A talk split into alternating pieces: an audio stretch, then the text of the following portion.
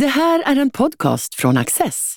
Du hittar fler av våra program på access.se och på Youtube. Mycket nöje!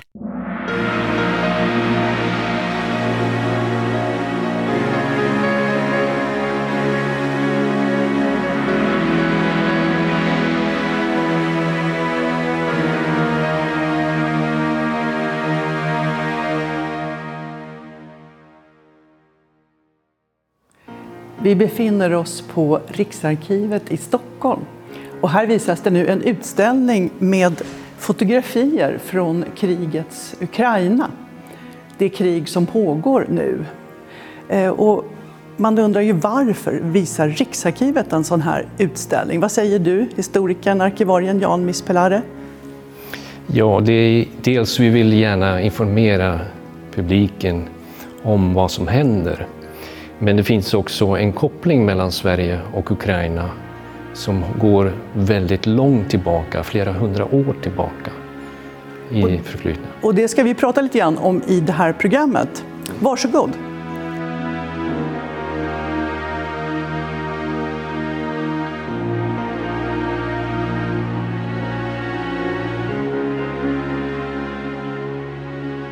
Här på Riksarkivet så finns ju Filip Orliks konstitution, eller Ukrainas konstitution kanske man också kan säga lite. Den skrevs 1710 och är ett väldigt viktigt dokument fortfarande idag för ukrainarna. Varför är det så?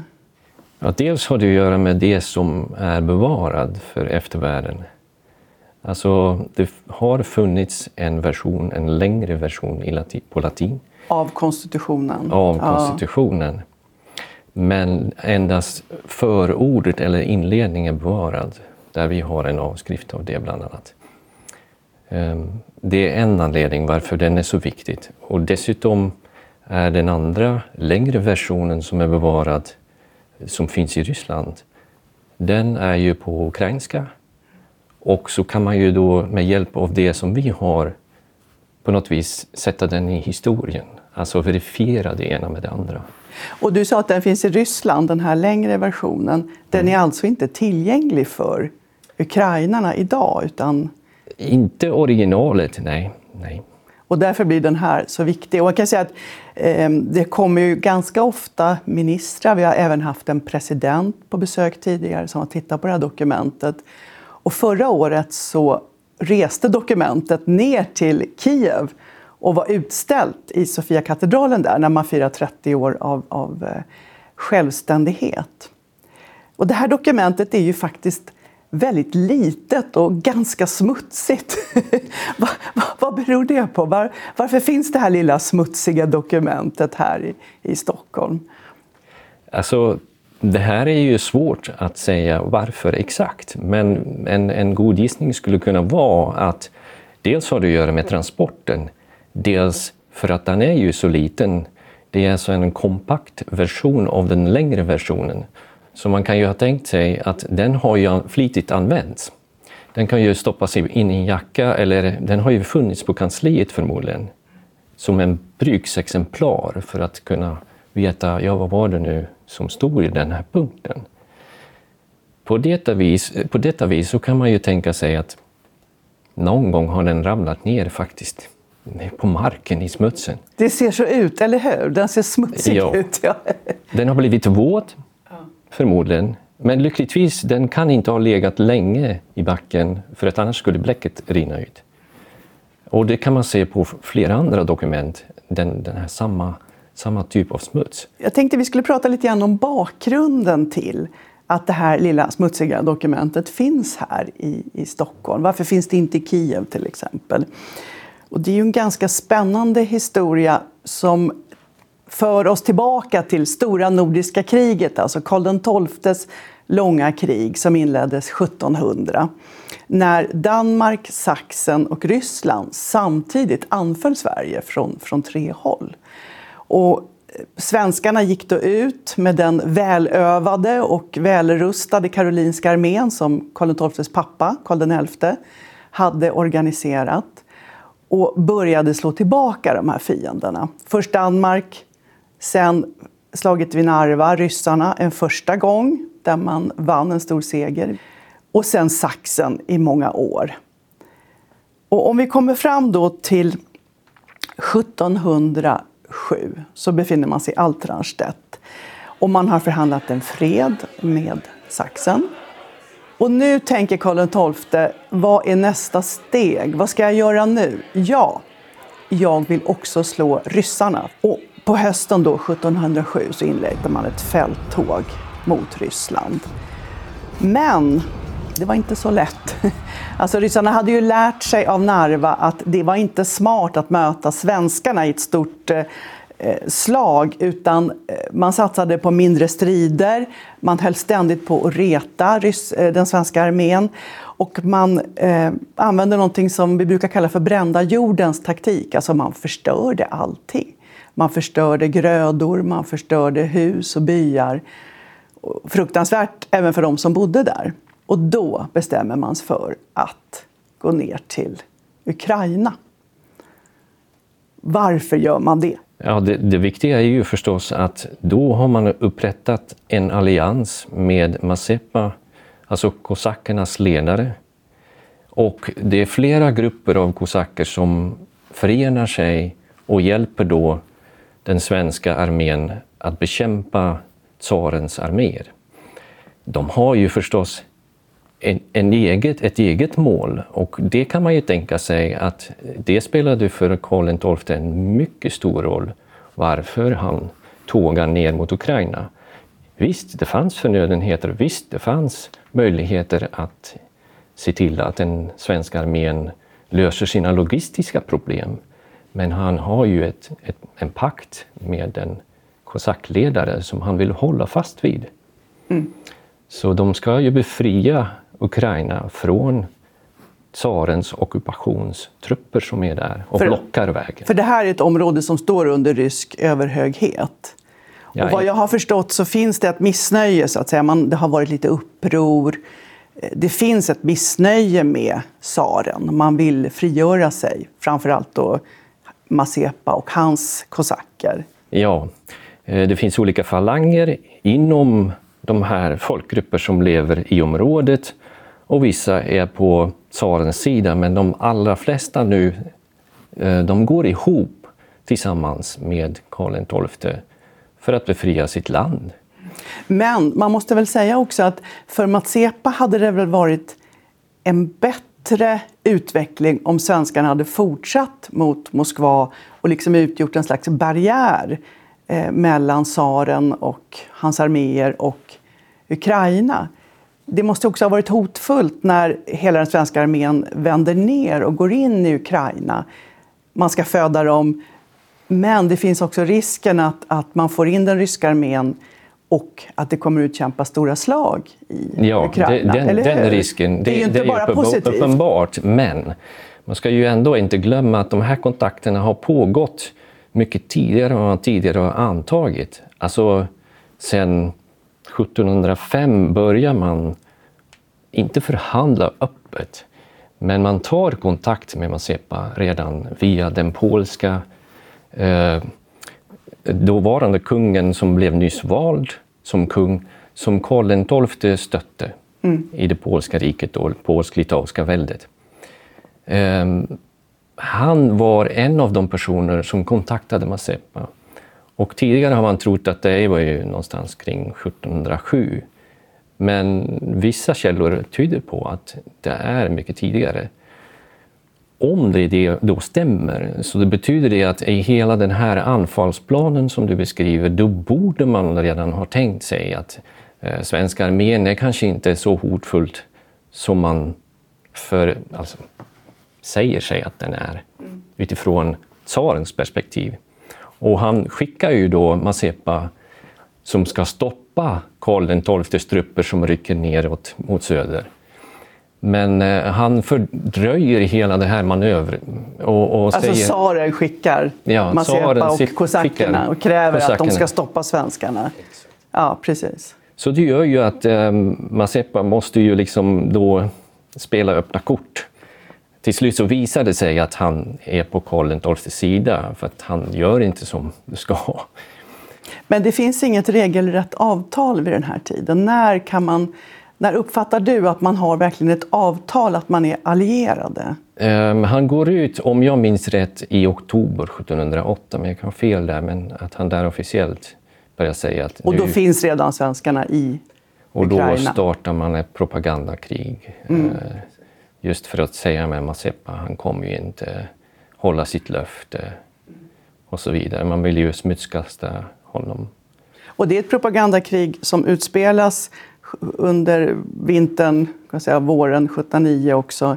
Eh, som båda parter deltar i, eller hur? Mm, Svenskarna mm, ägnar sig mm, också mm. åt det här propagandakriget. Mm. Och på den ryska sidan, jag tyckte det var väldigt spännande att en del av de argument som används på rysk sida är sådana som levde kvar. Fortfarande under Sovjetunionen så använde man de här argumenten och man sa att det finns en gammal kärlek mellan broderfolken, Ukraina och Ryssland. Och Mazepa är en förrädare mot detta, denna kärlek, denna broderskärlek. Och han gjorde det här förräderiet bara av egna, egen personlig mm. vinning. Ja. Och det är ju rätt intressant. Alltså Mazepa som en förrädare mot broderkärleken det är ju en föreställning som även sovjetiska skolbarn på, på 70-talet fick mm. lära mm. sig, som etableras under den här tiden. Ja. Och det, det, är då man dras in i hela den här, i det här propagandakriget. Just för att man måste ju bemöta, man kan inte låta det bli osagt eller att man inte bemöter så starka anklagelser. Så det som händer är att bland annat tsaren hävdar i en manifest att eh, Mazepa han ska ju sälja ut Ukraina till den, det polsk-litauiska väldet.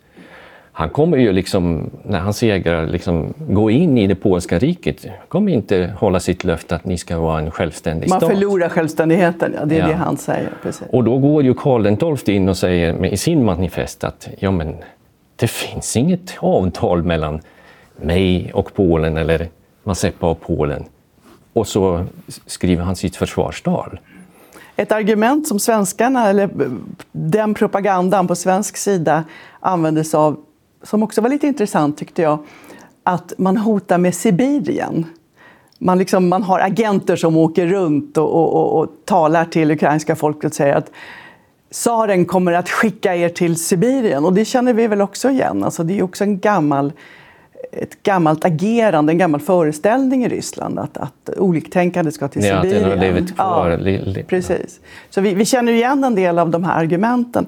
Man måste väl säga också att det är inte bara ett krig med ord, det här propagandakriget. Alltså det sker också ganska otäcka våldsamheter. Med, man förstör Hetman Matsepas huvudstad till exempel. Mm på ett väldigt våldsamt sätt, alltså från ryssarnas sida. Men även på svensk sida förstör man ju byar och, och begår våldshandlingar. Mm. Vi ska inte ha någon illusion ja, det är krig, om detta. Alltså, det är hemskt. Mm. Men propagandakriget övergår också i ett regelrätt slag vid Poltava 1709. Som är en stor förlust för svenskarna och för Matsepa och kosackerna. Och här kunde ju historien ha tagit en, en helt annan vändning, eller hur, med svensk-ukrainska relationer. Efter Poltava så har man förlorat stora trupper. Man måste fly ner till Osmanska riket. Man kommer till Bender. Och ganska snart efter som man kommer fram så dör ju Mats Epa där i september 1709. Man har alltså inte längre sitt land man har inte längre sin ledare. Det kunde ha tagit slut där, den här svensk-ukrainska relationen. Men det gör den inte. Ska vi komma tillbaka till konstitutionen? För vad är det ja, som händer? Ja, ja. Ehm, då måste man tänka sig att eh, Mazepa har en självklar efterträdare, men efterträdaren blir vald av hela den, ska man säga, den kosakiska ledningen som i sin tur är vald. Och då föreslår de Philip Orlik. Och i några dokument av det som vi kan titta på har att göra med just konstitutionen. Han är ju då författaren tillsammans med andra, men han är huvudförfattaren till den här konstitutionen. Och, och det är där man bekräftar och bland annat i den här kungaförsäkringen som hänger ihop med det här avtalet mellan Philip Orlix och hans armé och eh, hela hans eh, kansli som då kom överens om att hur de ska styra det framtida Ukraina. Ska vi komma tillbaka till den här kungaförsäkran? Ja. För att, kan vi säga någonting om vem Philip Orlik var som person? Var det en släkting till Matsepa eller? Nej, han var, ehm, kan man, om man har en svensk term för det, Mazepas kansler under alltså en tid. Hög ämbetsman. Väldigt hög ämbetsmän. Han leder också hans krigsråd. Alltså han är högsta råd i, ska man säga, som krigsråd och motsvarande i svenska förvaltningen. Så han är väldigt högt uppsatt. Och utifrån det perspektivet så kan man ju tänka sig att eh, han hade en god chans att bli hans efterträdare. Men dessutom är han ju en utbildad person som har gått eh, på universitetet, bildat ut sig, utbildat sig eh, i jesuiterna i Polen. Ehm, så han kan den här klassiska eh, juridiken. Han vet om statsförvaltning, hur man ska göra enligt den tidens uppfattning. Så han har ju också en hel, eh, en hel stor möjligheter att, att upprätta en bra, ett bra kansli så han kan styra. Så det har han erfarenhet Och sen får han den här tanken att han ska då skriva den här konstitutionen som han skriver ganska snart efter att han har blivit vald på våren 1710. Ja, han, han skriver den i princip omedelbart mm. i samband med det valet. Upprättas den. Och, ja. Eh, du har ju hittat en del väldigt intressanta dokument som visar på just det här som vi nu talar om, att relationen mellan Sverige och Ukraina den fortsätter efter Poltava och till och med utvecklas, kunde man säga, och befästs. Särskilt var det ett intressant dokument som du hittade för ungefär ett år sedan. Ja, ett drygt, brev? Ja, eller mer än ett år sedan, ja. ja. Mm, mm. Vad var det för dokument?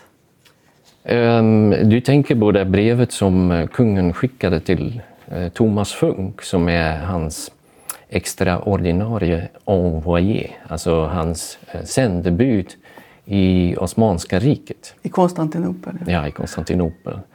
Så Thomas Funk, han ska ju efterträda den förra ambassadören och då får han riktlinjer, alltså instruktioner kallar det, men det är inga instruktioner, bruksanvisning, men det är liksom vad ska han ta upp för sultanen och storvisir, vad ska han prata om, vad, vad måste han tänka på? Det är det som kungen sammanfattar i flera punkter. Och en av de punkterna handlar specifikt om Ukrainas självständighet som ligger mitt i brevet och som ingen hade liksom lagt märke till. Och innan vi går in på exakt vad han säger, varför har man inte sett det här förut? För det här brevet har ju liksom inte funnits med. Det är ingen forskare som har nämnt det. Eh, ukrainska forskare har inte heller känt till det. Varför tror du att man inte har sett det tidigare? Det har ju lite att göra med forskarnas eh, situation. Alltså, eh, det är ett svenskt brev. Och, och våra kollegor i Ukraina eh, mäktar kanske inte alltid med med språket. Och vi tvärtom, vi har inte alltid tillgång till vad eh, ukrainska forskare har skrivit. Det gör ju att eh, vi har inte det här normala utbytet av information kring olika källor det gör ju att man kan ha säkert ha bläddrat förbi den men inte tänkt på att jo, men någonting står där i brevet som är väldigt viktigt. Och hur kom det sig att du hittade det? Var du liksom på jakt efter just den här informationen eller hur ja, vad hände? Kanske inte specifikt just den informationen för jag blev själv väldigt överraskad över innehållet. Att det fanns där i en sån här Eh, väldigt kort version av hur man skulle uttrycka vad som är så viktigt med, med Ukrains självstyre eller den politiska situationen på några rader sammanfattad. Men jag har en, eh, en god vän som är knuten till forskningen i Ukraina som då frågade mig den tiden eh, vad finns i på Riksarkivet som man skulle kunna ta fram som är, är viktiga dokument som vi kan lägga ut på nätet och så vidare och sprida till forskare i Ukraina. Och då tänkte jag, ja men jag, jag kan hjälpa med det. Liksom, jag känner till några arkiv här och fördjupa mig i. Och då började jag gräva. Och min taktik var att följa olika människor som då Centrala figurerar aktörer liksom, ja, ja. som ambassadörer eller som kungens eh, bundsförvanter som skriver till varandra. Och då kommer man ju, då hamnar man till slut på Thomas Funk som ambassadör i Konstantinopel. Ska du eh, ta, läsa den här centrala passagen? Det är inte så många Ja, rader, så nej, vi får det är inte många kanske rader. kan trötta våra tittare med detta. Um, då tar jag min... Det är egentligen ett ganska långt brev där det här bara är en punkt, eller hur? Ja, han säger du- du måste se till till sin ambassadör att du tar hand om det här nu. Och då säger han den där artikeln som handlar om Ukrains frihet. Och så går det vidare. Se till att det här verkställs så att hela Ukraina och den zaporoviska hären fullkomligen sättas ut i dess urgamla frihet och possession av dess land och föra gränser under dess nuvarande fältherre Filip Orlik. På det sättet att bemälta folk hädanefter skall göra en independent stat och aldrig mer på något sätt stå under tsarens lydno eller protektion. De här orden, independent stat. Alltså för mig som ändå har läst mycket text från den här tiden, jag har aldrig sett den eh, kombinationen, alltså det ordet tillsammans med ordet Nej. stat. Det, det känns ju extremt modernt när man ser det först. Det är lite remarkabelt, eller hur? Och du har fått liksom ganska kraftiga reaktioner från ukrainska forskare på det här. Den Ja, här alltså det- passagen. Det är just också ett begrepp som jag reagerade väldigt starkt på eftersom det låter så modernt. Jag har inte hittat det någon, något motsvarande direkt i eh, andra källor från 1700-talet. Möjligtvis en enstaka gång, men jag kan inte ens minnas var. Ja, jag håller helt med. Ja, för mig är det en helt ny formulering. Vi måste ju också berätta att när Magdalena Andersson besökte Kiev här i 4 juli, tror jag det var, nu i somras, eh, så hade hon med sig en facsimil av det här brevet som du nu har läst upp en passage ur. Alltså en jättefin kopia kan man säga. Alltså det har betytt väldigt mycket för Ukraina, särskilt sedan kriget startade, eller hur? Ja, alltså visst i sitt eh, sammanhang idag har det ju en stor betydelse när eh, Putin hävdar att Ukraina inte har varit en självständig stat.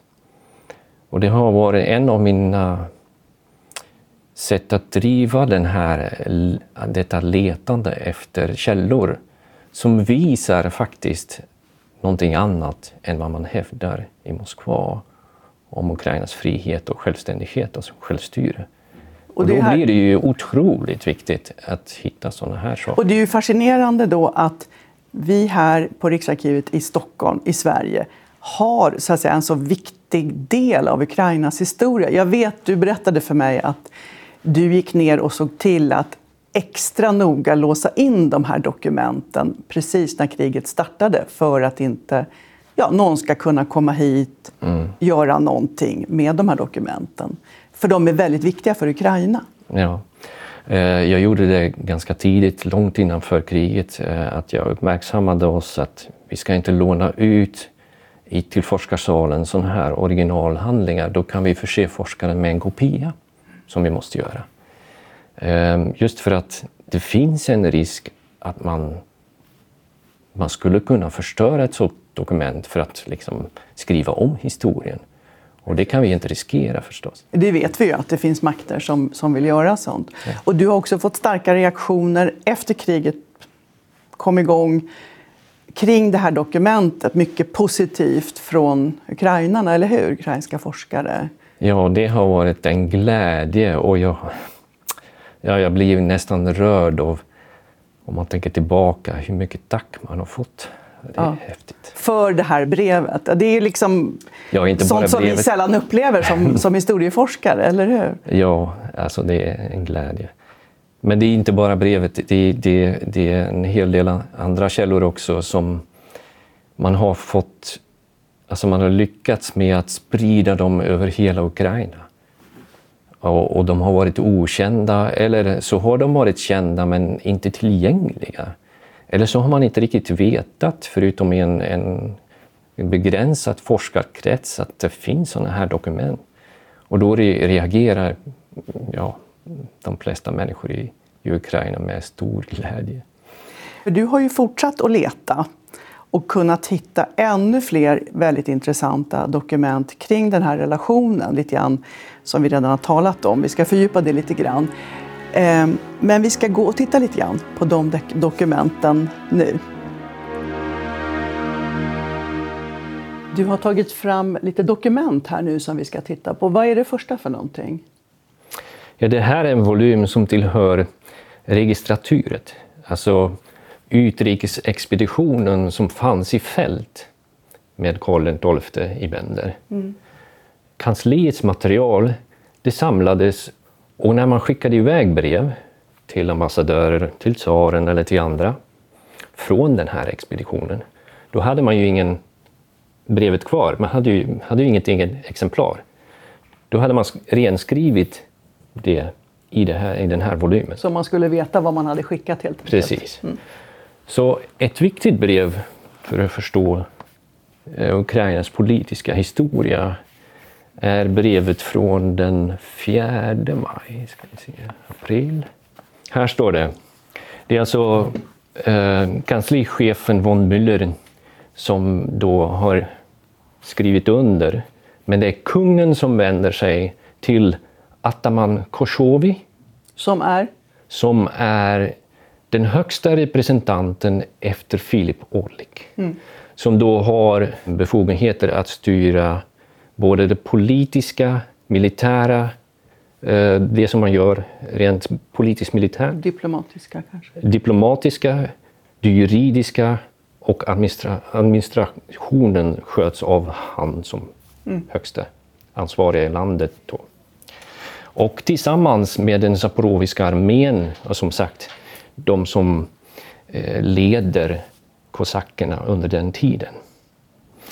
Så kungen skriver till dessa personer och då säger han som svar, jag har fått ert brev Han inleder med det, eller? Ja. ja. att ni har haft fältherreval. Ja, alltså och då menar han ja. Att ni har valt Filip Orlik. Och er sändebud har kommit med det här brevet och det tackar vi för och så vidare. Det är ofta ganska sirliga formuleringar. Så Ja, ska det är väldigt ståtliga formuleringar eh, som är ganska krångliga. Men det som det går ut på att han nu i sin tur ska se till att det Filip Orlik har avtalat med den zaporoviska armén och kosackernas ledare, deras pakter, beslut och avtal. Att han ska bekräfta det. Alltså, alltså Kungen, Karl kungen. Karl XII ska bekräfta det. Och då dessutom säger han, då ska jag skriva ett fint diplom som jag ska jag under, skriva, skriva under på. Och med diplom menar du inte sånt där man fick när man gick på simundervisningen när man var liten? Utan Nej, det är precis. Ett, ett det är en kungaförsäkring. Eller? Ja. En kungaförsäkring. Där han försäkrar någonting, han liksom lovar något att han ska hålla. Och det löftet formulerar han i det brevet som kommer här efter. Men jag tänkte jag ska läsa den lilla passagen som är ganska centralt, som han tar upp i det här brevet till eh, Ataman Koshovi. Ehm, då säger han så här. Det som ni har kommit överens, det ska resultera i följande att hela landet,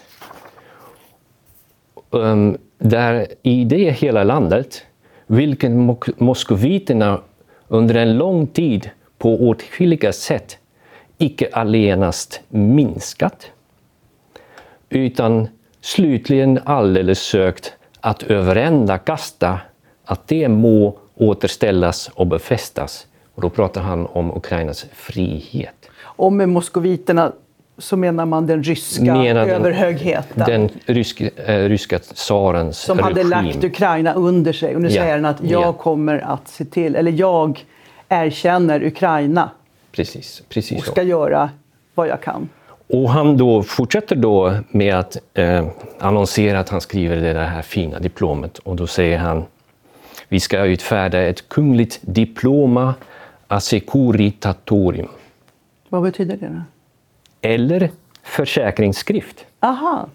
Varuti vi uti nåder utlovat att vi våra rättmätiga vapnen vilka den högst nådigaste välsigna ville, inte ärna nederlägga förrän Saporoviska armén och hela Ukraina uti dess förra frihetsstånd återigen fullkomligen blivit fortsatta.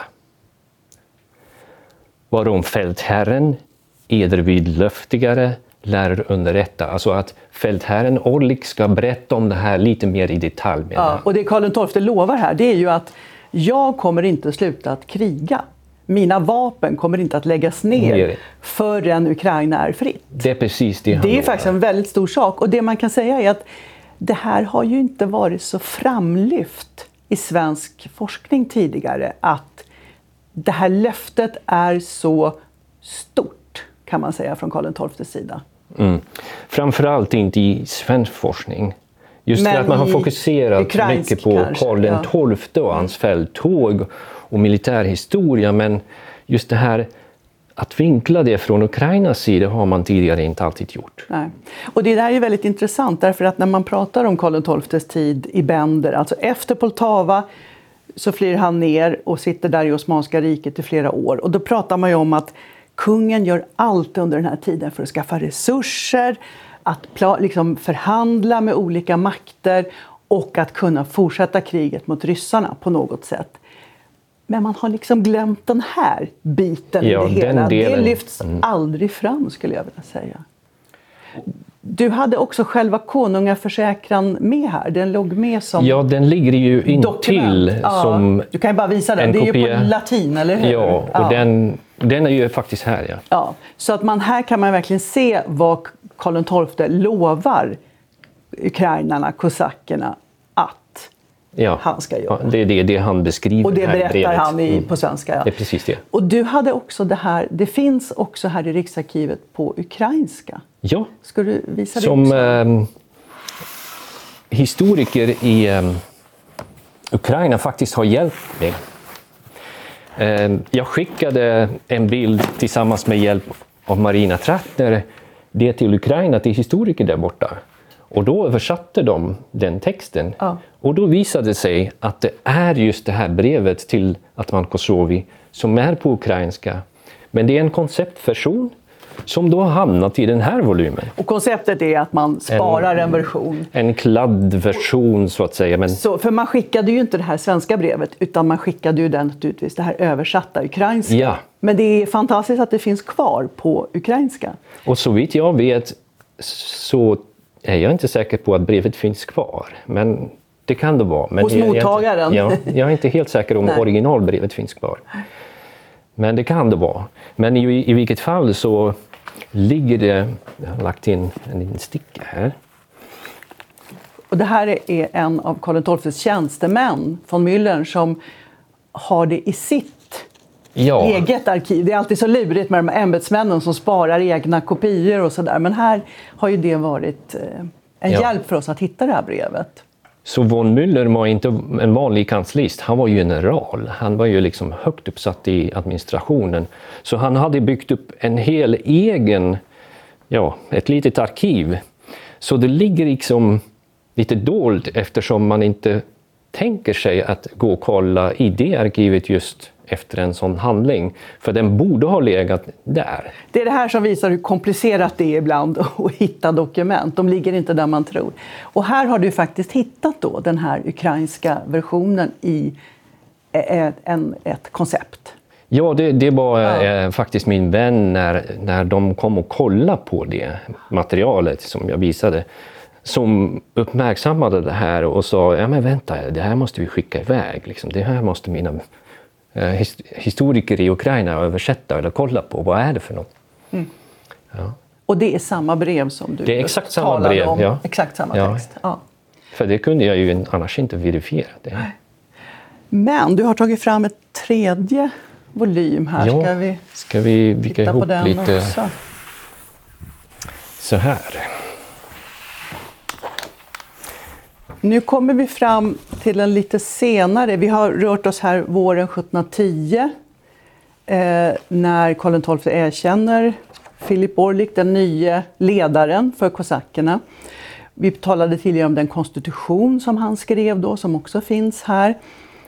Eh, och under den här tiden, som vi sa, så håller ju Karl XII på att försöka få eh, Osmanska rikets statsledning att anfalla ryssarna, att hjälpa honom att slå ryssarna.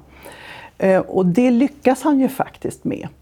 Och om jag vet, förstår rätt så är det någonstans i slutet av 1710 så förklarar Osmanska riket krig mot ryska, mot tsaren och hans armé. Och det blir också ett slag vid Prut. Ja. Ska du berätta lite grann om det slaget? För det är ibland säger man att det är liksom ryssarna får uppleva där det som svenskarna upplevde vid Poltava. De tågar upp från eh, vad dagens Edirne, alltså Adrianopel. Där samlar alla arméer. Mm. Så då kommer arméer från Bosnien, från Sarajevo, från eh, Serbien. Det kommer arméer från olika delar av det sultanens rike som samlar på våren. Och då ska de Tanken är att de ska tåga in och möta den tsarens armé och det som är på ju. väg. Det är ju en framgång för ja. den osmanska armén. De lyckas ju omringa eh, den ryska Och det som hären. har hänt är just eh, att tsarens arméer som tågade genom Ukraina hade jättesvårigheter med att eh, försörja sig. Mm. Vi känner igen oss, eller hur? Ja, Svenskarnas problem. Det kan man nog säga. Um, Problemet var att det var jättedåliga skördar också just det året och det är mitt på sommaren. Och så får de stora problem med att eh, fodra och utfodra dragdjur, hästar. Den här armén bestod av ungefär 60 000 personer och det var både hantverkare, köpmän, officersfruar, alltså det var tjänstemän. Det var, det var inte bara soldater och officerare? Det var inte det var... bara soldater. Alla dessa människor har med sig materiell soldaterna har ammunition, kanonerna ska dras, eh, allt ska bäras, tält ska bäras, mm. fodern om det inte finns ute i, i hagarna, då måste ju de bära med foder till alla dessa dragdjur och hästar. Så det är en enorm mängd material, förnödenheter, foder och mat man behöver. Mm. Så, och det, det, det är brist på det. det. Det blir en katastrof redan från början mot så, um, mot sina, sin stabs råd så driver tsaren igenom ändå hela fälttåget och säger ja men vi ska över, vi ska över Dnestern som ligger i Moldavien och vi ska in och vi ska ockupera Moldavien. Eh, och vad, vad, de också lyckas med. Under tiden kommer då Osmanska armén ja, söderifrån och möter dem vid älven Prut. Mm. Och för att hålla historien kort så blir de totalt omringad. Den här karavanen av människor är hur lång som helst, det är flera mil lång. Så de har en förtrupp på 6000 man som plötsligt ser att den Osmanska armén med sina allierade, det var svenskar, moldaver, det var liksom olika grupper, också kan Khanen från Krim. Krim. hade skickat massor med ryttare. Mm. De lyckas alltså omringa dem. Mm. Men i det läget så tänker man att nu har den osmanska statsledningen ett perfekt tillfälle att förhandla. Och det är det här som Karl XII mm. mm. också har väntat på. Och som jag förstår så sitter han och väntar i Bender, det här är inte så långt från Bender egentligen, Nej. sitter han och väntar på en signal att han ska ansluta och eh, liksom på något sätt vara med i de här eh, förhandlingarna. Men vad är det som händer? Ja, alltså den som leder Osmanska armén är inte sultanen. Det är storfisiren Muhammed Baltaji. Han Ehm, tar sig stora friheter som han inte har. Han har inte befogenheter att sluta en pakt, en definitivt fredsavtal med tsaren. Det som är viktigt att komma ihåg är att tsaren befinner sig med i den här armén och blir själv omring, alltså är i den här omringningen. Han är ju fånge. Tsaren, han skulle egentligen som krigsfånge ha förts till Istanbul. Ja. Så att, Men det eh, händer inte Det här. händer inte. De skickar till slut ett sändebud eh, och ber om vapenstillestånd. Det, det är helt okej för eh, storvisiren att börja förhandlingar. Men det det leder till är att det dessutom tsarens representant som är hans kansler, vicekansler, han lyckas vända hela avtalet eller hela förhandlingsskeendet till att det ska handla om fred och till och med evig fred. Och rycker bort all uppmärksamhet från att de faktiskt är helt omringade och har inte någonting att komma med. Men varför går osmanerna med på det här då? För att de hade ju ett gyllene läge att förhandla, men de släpper eh, och hans armé, får tåga iväg, man tar inga fanor, man förnedrar honom inte på något enda sätt och han får ganska goda villkor. Vad är det man vinner? Det verkar så att man har mytad då hela ledningen och storvisiren till en bättre överenskommelse än vad det skulle Så det är korruption som är delvis en förklaring här. Eh, Det, det är många källor som menar så. Och Karl XII han sitter i Bender och får höra att detta händer och rider i 20 20, timmar. timmar. Precis, spårsträck bort. Och när han kommer fram så säger eh, storvisiren Oj, du kommer tre timmar för sent.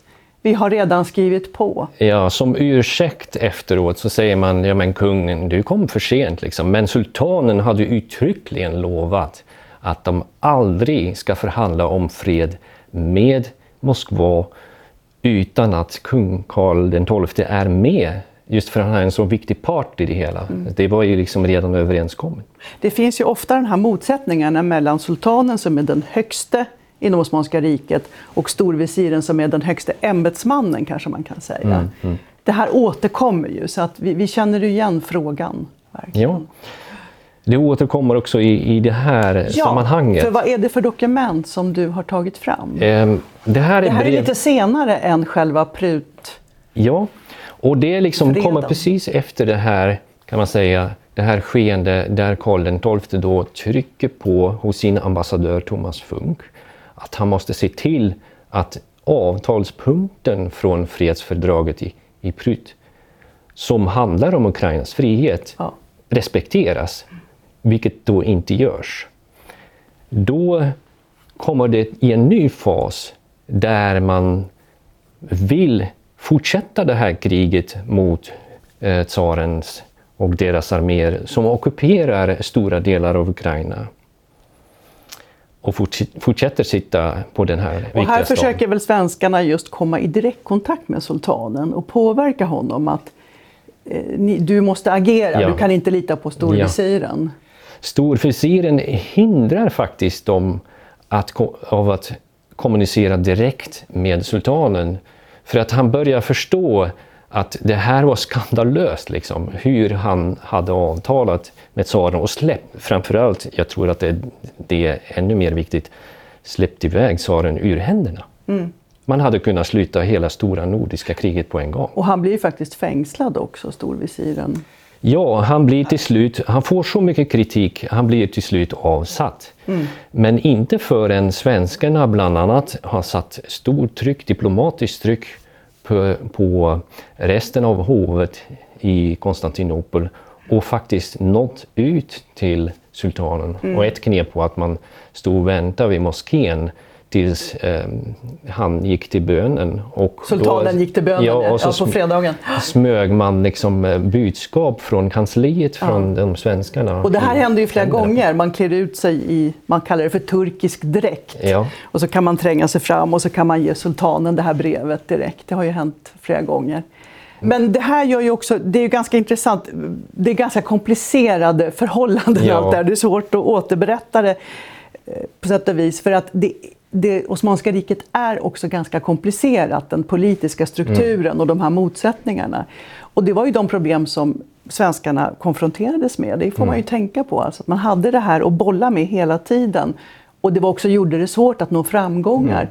Och här lyckas man ju i prutavtalet efter slaget, fredsavtalet, finns den här punkten med att Ukraina ska ha sin frihet åter. Ja, att, Men det struntar ryssarna i. Så att, ja, det hjälpte liksom inte. Och vad är det då sultanen säger här i det här dokumentet? Eller ja, där det berättas en, om en han- hel del. ehm, men det är inte sultanen som själv har ordet Nej, här. nej, det förstår jag.